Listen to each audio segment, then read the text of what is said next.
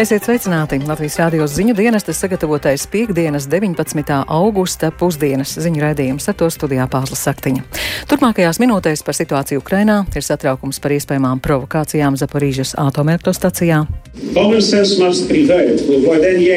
Ir jāuzvar veselajam saprātam, lai novērstu jebkādas darbības, kas apdraud atomelektrostacijas drošību un fizisko neskartību.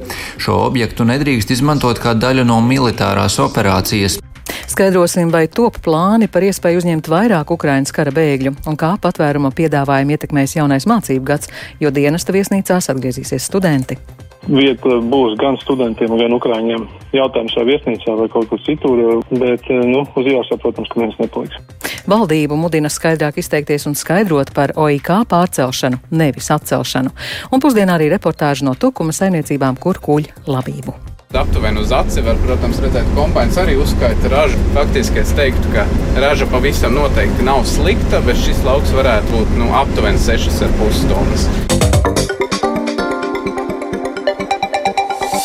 Krievijas spēki šorīt kārtējo reizi apšaudījuši vairākas Ukrainas pilsētas, bet Ukrainas puse veikusi vairākus uzbrukumus munīcijas noliktavām un lidlaukām Krievijas kontrolētajās teritorijās, tostarp okupētajā Krimā. Vienlaikus ir satraukums, ka šodien varētu būt gaidāmas kādas provokācijas Krievu spēku kontrolētajā Zaporīžas atomelektrostacijā, un par to vairāk stāstuģis Lībietis. Kramatorska, Mikolājo, Harkiva tieši šīs pilsētas šorīt apšaudījuši Krievijas spēki. Harkiva pēdējo dienu laikā ir izjutusi vislielāko spiedienu, un tur šodien izsludināts sērs par vairāk nekā 20 pēdējās dienās bojā gājušiem iedzīvotājiem. Lai arī uzbrukumi turpinās, ASV Domnīca Karaspēca institūts norāda, ka pirmo reizi kopš jūlijas sākuma Krievija nav oficiāli paziņojusi par jauniem teritoriāliem iegūmiem Ukrainā, un visi līdzinējie mēģinājumi virzīties uz priekšu tā vien šķiet ir bijuši nevisai veiksmīgi. Vakar vakarā un naktī tika saņemts kārtējās ziņas, ka sprādzieni dzirdami arī Krievijas okupētajā Krimas pussalā. Šoreiz tie notikuši ostas pilsētas Sevastopols tūmā esošajā Beļbekas lidlaukā, kur atradušies aptuveni 40 krievu iznīcinātāji. Tāpat sprādzieni bijuši dzirdami Kerčas pilsētā, kur sākas tilts, kas savieno Krimas pussalu ar Krieviju. Liels ugunsgrēks izcēlies munīcijas noliktavā arī Krievijas Belgradas apgabala Timonovas ciemā, kas atrodas netālu no Ukrainas robežas. Ukrainas prezidenta padomnieks Mihailo Podaļaks ir izteicies, ka Ukraina darīs visu iespējamo, lai likvidētu visus okupācijas gados Krimas pussalā uzceltos militāros objektus un arī tiltus. No tā gan varētu izvairīties, ja Krievijas spēki paši no Krimas aiziet un savus objektus likvidētu paši. Komentētāji uzsver, ka viens no galvenajiem šādu uzbrukumu mērķiem ir iedragāt Krievijas spēku loģistikas iespējas un atbalstīt Dņepras upes rietumkrastā notiekošās operācijas, un tā ir daļa no daudzu gaidītā Ukrainas pretuzbrukuma. Taču pēdējās dienās vislielākais satraukums ir par Zaporīžas atomelektrostacijas nākotni. Jau vakar izskanēja informācija, ka tieši šodien, 19. augustā, Zaporīžas atomelektrostacijā varētu notikt kāda provokācija. Tas tāpēc, ka vakar reaktoru tūmā tika izvietota kaujas tehnika, bet daudziem stacijas darbiniekiem šodien bija aizliegts ierasties darbā. Provokācijas gatavošanu ar otras puses karogu min gan Ukrainas, gan Krievijas puse. Šī tēma vakar tika apspriesta arī Valdemira Zelenska sarunās ar Turcijas prezidentu Rečepu Tāju Erdoganu un ANO ģenerālsekretāru Antoniju Guķierešu. Pēc šīm sarunām Guķierešs norādīja, ka jebkāds uzbrukums atomelektrostacijai būtu pašnāvniecisks.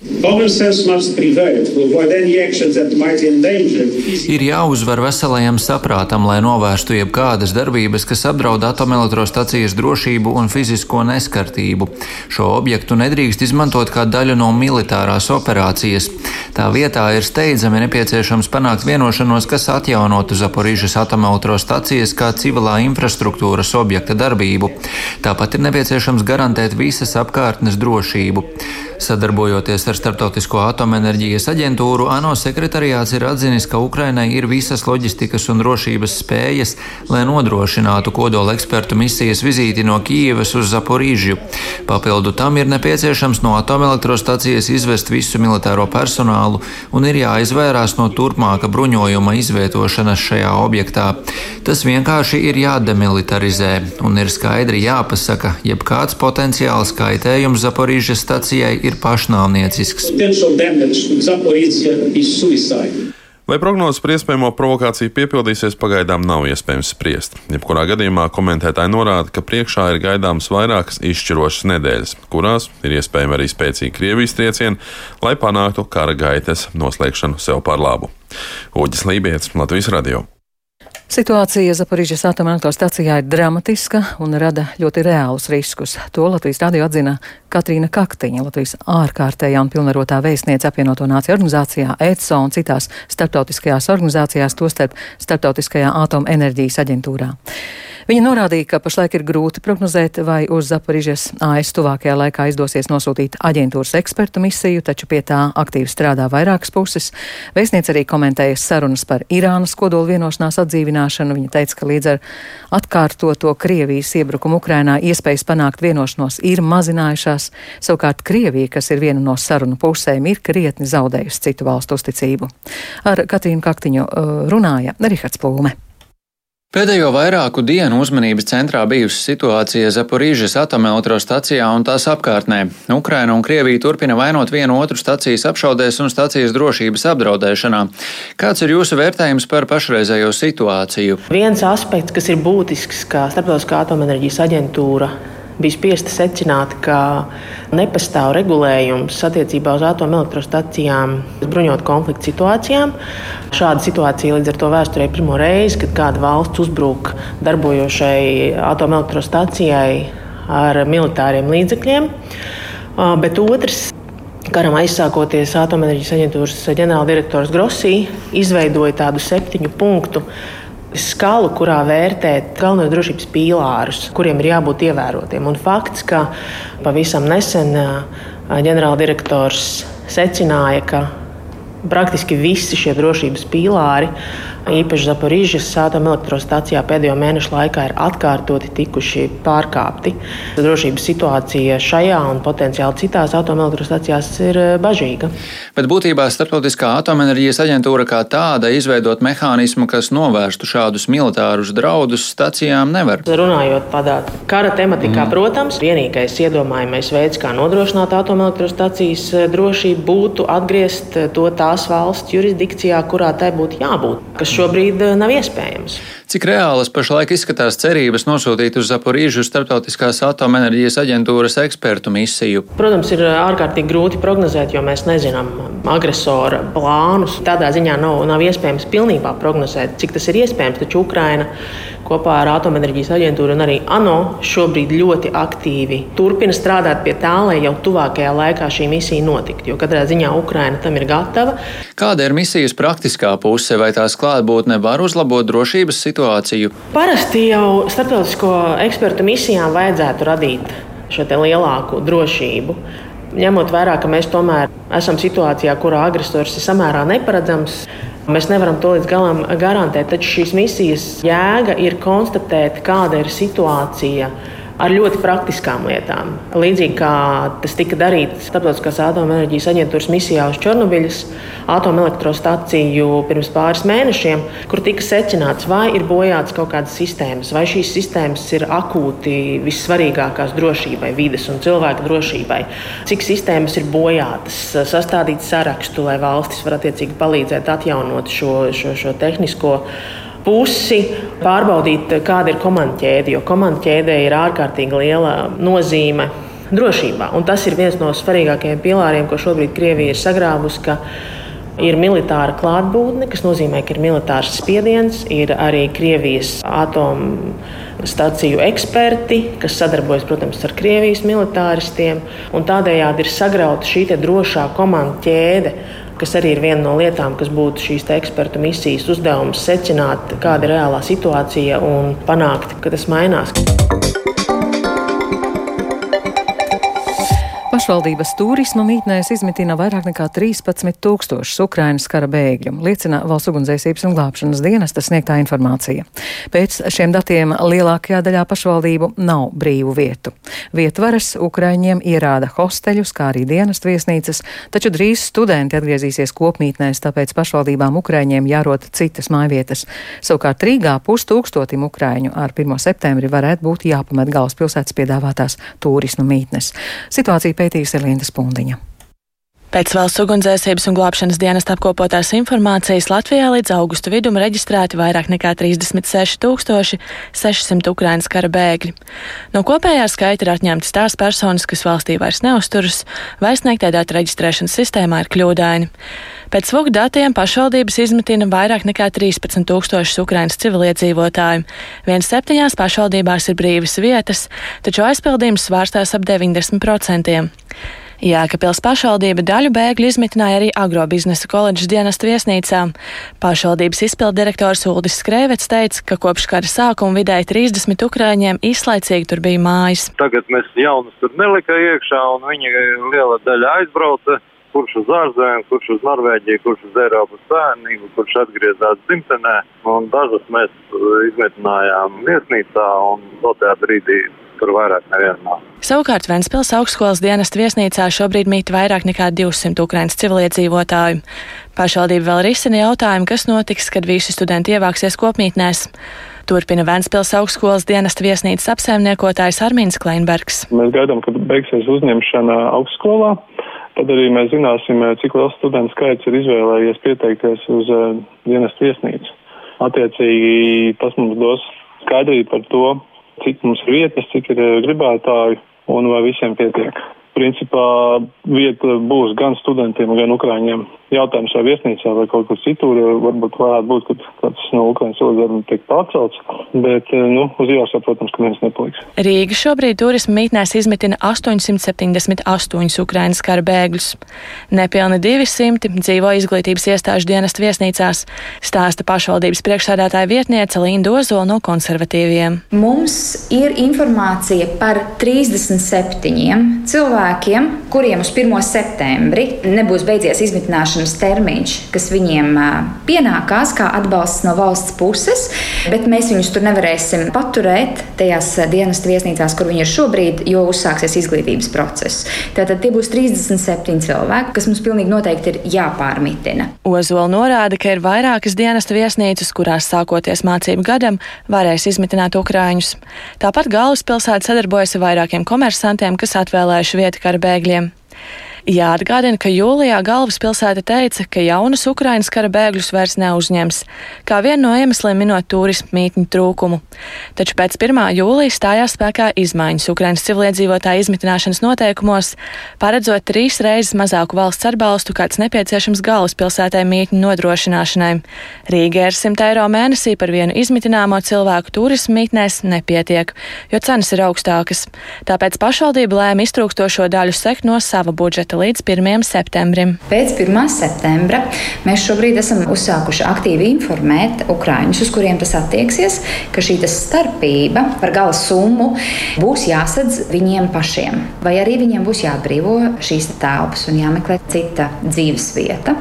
Un mūsu gadījumā šādi ir 536 cilvēki. Tomēr Rīga turpina uzņemt Ukrāņus. Mēneša sākumā galvaspilsēta paziņoja, ka turpmāk varēs nodrošināt izmitināšanu par augstāku maksu, bet uz uz īsāku termiņu - 60 dienām. Taču ministru kabineta noteikumiem ir piebilde tikai tad, ja pašvaldībā ir sasniegti 80% no faktiski iespējamā izmitināmo Ukraiņas civiliedzīvotāju skaita un nav iespējams nodrošināt izmitināšanu citā pašvaldībā. Pēc VUGD sniegtās informācijas Rīgā simtprocentīgi ir aizpildītas visas vietas, taču VUGD dati krietni atšķiras no pašvaldības. Linda Spundiņa, Latvijas radio.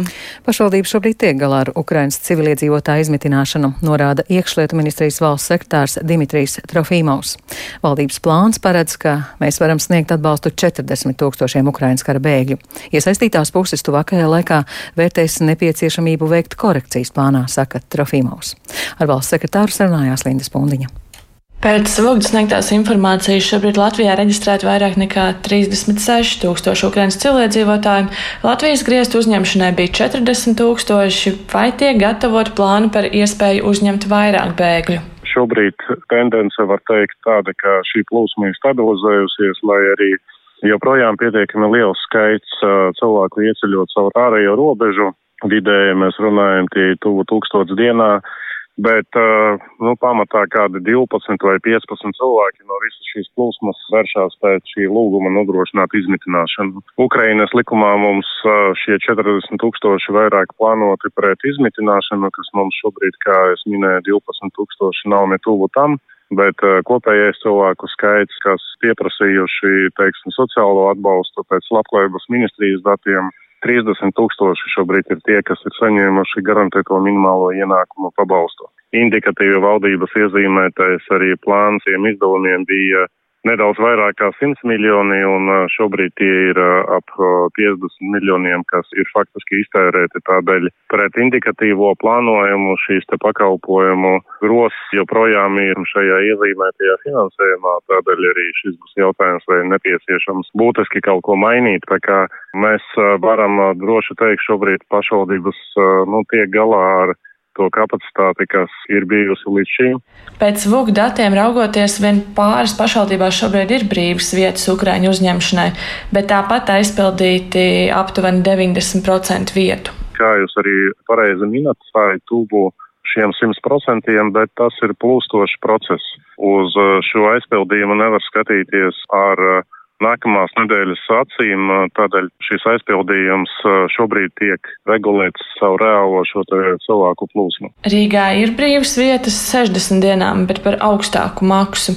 Tur saka, ka ir iespēja uzņemt bēgļus, taču vispirms tiek vērtēts, vai kādā citā pašvaldībā nav brīvas vietas, un tikai tad galvaspilsēta var uzņemt. Tādā precīzā pieejā, ka kamēr nav tiešām izsmelts resursus visur citur nevar darbināt 60 dienas, nu tas, es teiktu, ir fleksibls uh, risinājums, jo mēs saprotam, ka patiesi šī vajadzība ir tāda, kāda viņa bija jūnijā, kad uh, lēma par šīm 60 dienām par paaugstinātu maksu. Bija pilnīgi skaidrs, ka neatkarīgi no tā, vai kādā pašvaldībā citā teoretiski ir vai nav dažas vietas, ja Rīgā, piemēram, ierodās lielāks cilvēku skaits un ir nepieciešams darbināt šīs 60 dienas, tad, protams, tas var tikt darīts.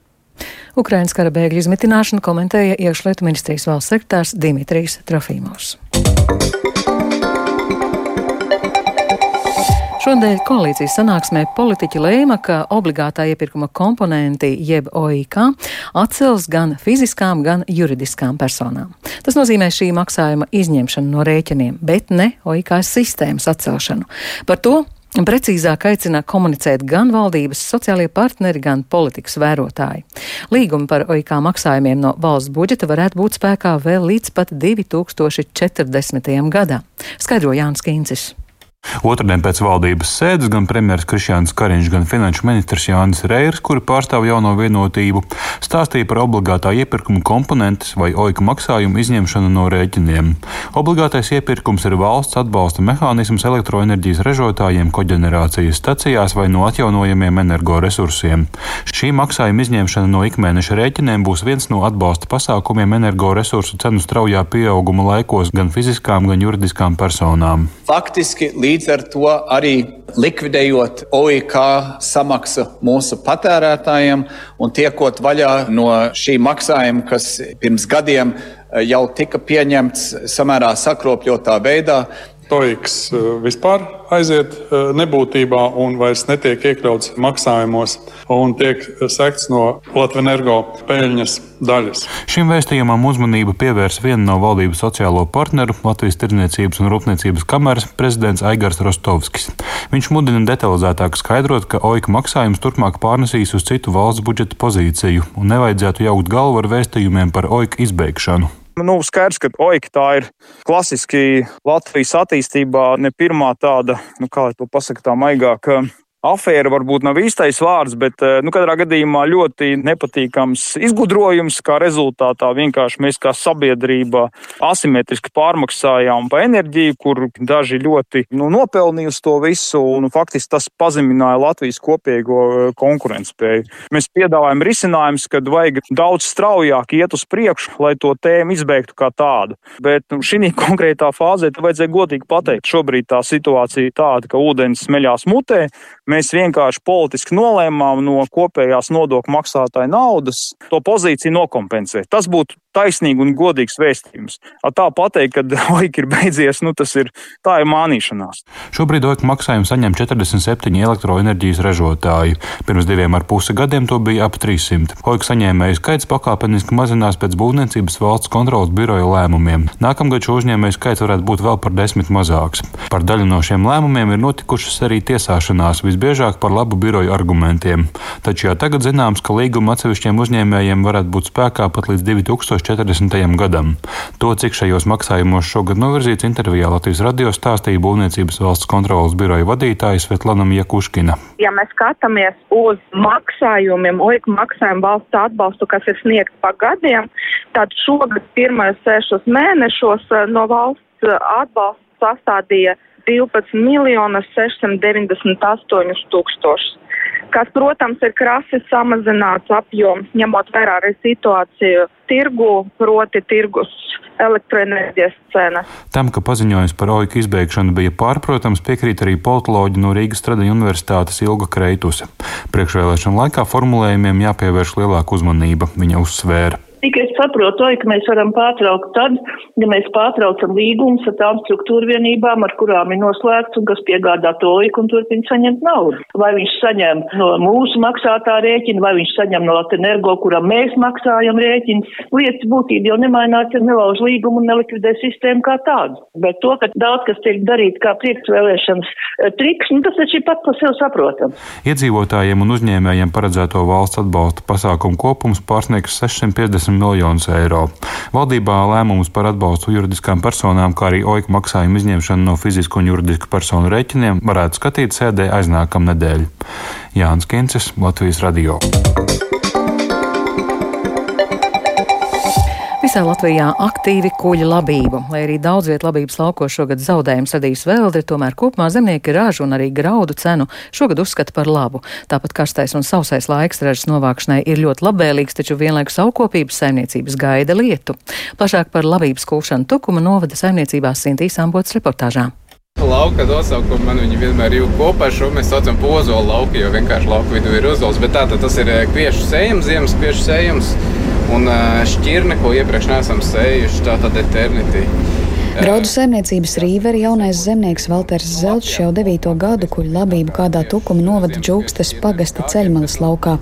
Kviešu lauks ir sauss un raža kopumā šogad ir laba, taču ir saimniecības, kur vēldras dēļ ziemas kviešu raža ir tikai lobarības kvalitātē. Sēžot pie kombaina stūres, Valters secina, ka šajā laukā arī jauniesētā ziemas kviešu šķirne ir bijusi laba izvēle, jo tā teju vispār nav sakritusi vēldrē atšķirībā no citiem laukiem. Tiesa gan ražība ir nedaudz daudz zemāka. Ja, ja, ja tas nav pirmais gads, kad kombainieris kuģi, tad aptuveni uz aci var, protams, redzēt, ka kombainis arī uzskaita ražu. Faktiski es teiktu, ka raža pavisam noteikti nav slikta, bet šis lauks varētu būt nu, aptuveni 6,5 tonnas. Saimniecībā kopumā sējumi ir ap 250 hektāru platībā. Zemnieks stāsta, ka šobrīd ģimenes saimniecībā ar darbu paši tiek galā bez papildu darba spēka, un arī tehnikas jaudas to ļauj darīt. Vienlaikus Valters arī kā zemnieku saimas pārstāvis vērtē, kā darba rokas gan daudzām saimniecībām ir problēma kulšanas darba laikā. Tas, ko ir īpaši šogad, un es teiktu, pēdējos trīs gadus izjūt, ir, ka pat ja ir tehnika ārkārtīgi, ārkārtīgi trūks arī šis kvalificētais darba spēks, kurš ar šādu dārgu un avansētu tehniku var darboties. Pirms okupantu iebrukuma Ukrainā graudu cenas bija aptuveni 200-220 eiro par tonu. Tad liela daļa saimnieku fiksēja, jo redzēja, nu, ka tā ir diezgan laba cena. Tad pēc iebrukuma tie jau bija 300 eiro, vienu brīdi pat 430 eiro tonā. Turpat Tukuma novadā paviesojos arī bioloģisko zemnieku saimniecībā Geidas, kur sastopu Gundagu un Oskaru Jēkabsonus. Kopā mēs apsaimniekojam gandrīz 90 hektārus lauksaimniecības zemes. Un iepriekš jūs laikam bijāt pat piena saimniecībā, ne jūs pārprofilējāt? Jā, jā, mēs divus gadus atpakaļ esam pārgājuši tikai uz graudu audzēšanu. Vēlāk, pēc tam, kad tas viss lēmums jau bija izdarīts un kad mēs redzam šī brīža degvielas cenas, šī brīža elektrības cenas un algas un vispārējo, tad mums liekas, cik toreiz tas lēmums bija pareizs. Nu, tagad būtu tiešām, tagad būtu iestājies tas, kad būtu jāpieņem tas lēmums ekonomiskiem iemesliem. Saimnieki rāda jau nokulto lauku un arī secina, ka raža ir laba. Arī šajā saimniecībā apliecina, ka graudu cena ir svārstīga, bet laba. Mēs jau kādas pāris dienas jau atpūšamies. Kā sezonu vērtēt? Kā, nu, kā raža gāja labi. Raža ir laba, nav ideāli, bet laba. Vēldra bija kaut kāda, jums arī nebija. Nu, ko šogad daudz šeit bija, bet nu, ļoti maz. Nu, tas varētu teikt, ka nebija. Kā ir savukārt ar cenām? Burtiski pirms dažām minūtēm pieņēmām lēmumu pārdot šajā brīdī auzas. Jo cenas laikam tiešām lēkā šurp turpu. Labības kulšanas laiks vēl ilgs pāris nedēļas, kas nozīmē, ka arī valsts autoceļus intensīvāk izmanto lauksaimniecības tehnika. Lai pārvietotos droši, kombainu vadītājiem un arī autobraucējiem ir jābūt īpaši uzmanīgiem. Sinti Ambote, Latvijas radio. Dzirdējāt pusdienas ziņu raidījumu, tā producents Viktors Pupiks, ierakstus montēja Renāša Steimanis, par labskaņu rūpējās Kristaps Runģis, bet ar jums runāja Pārslas Saktiņa.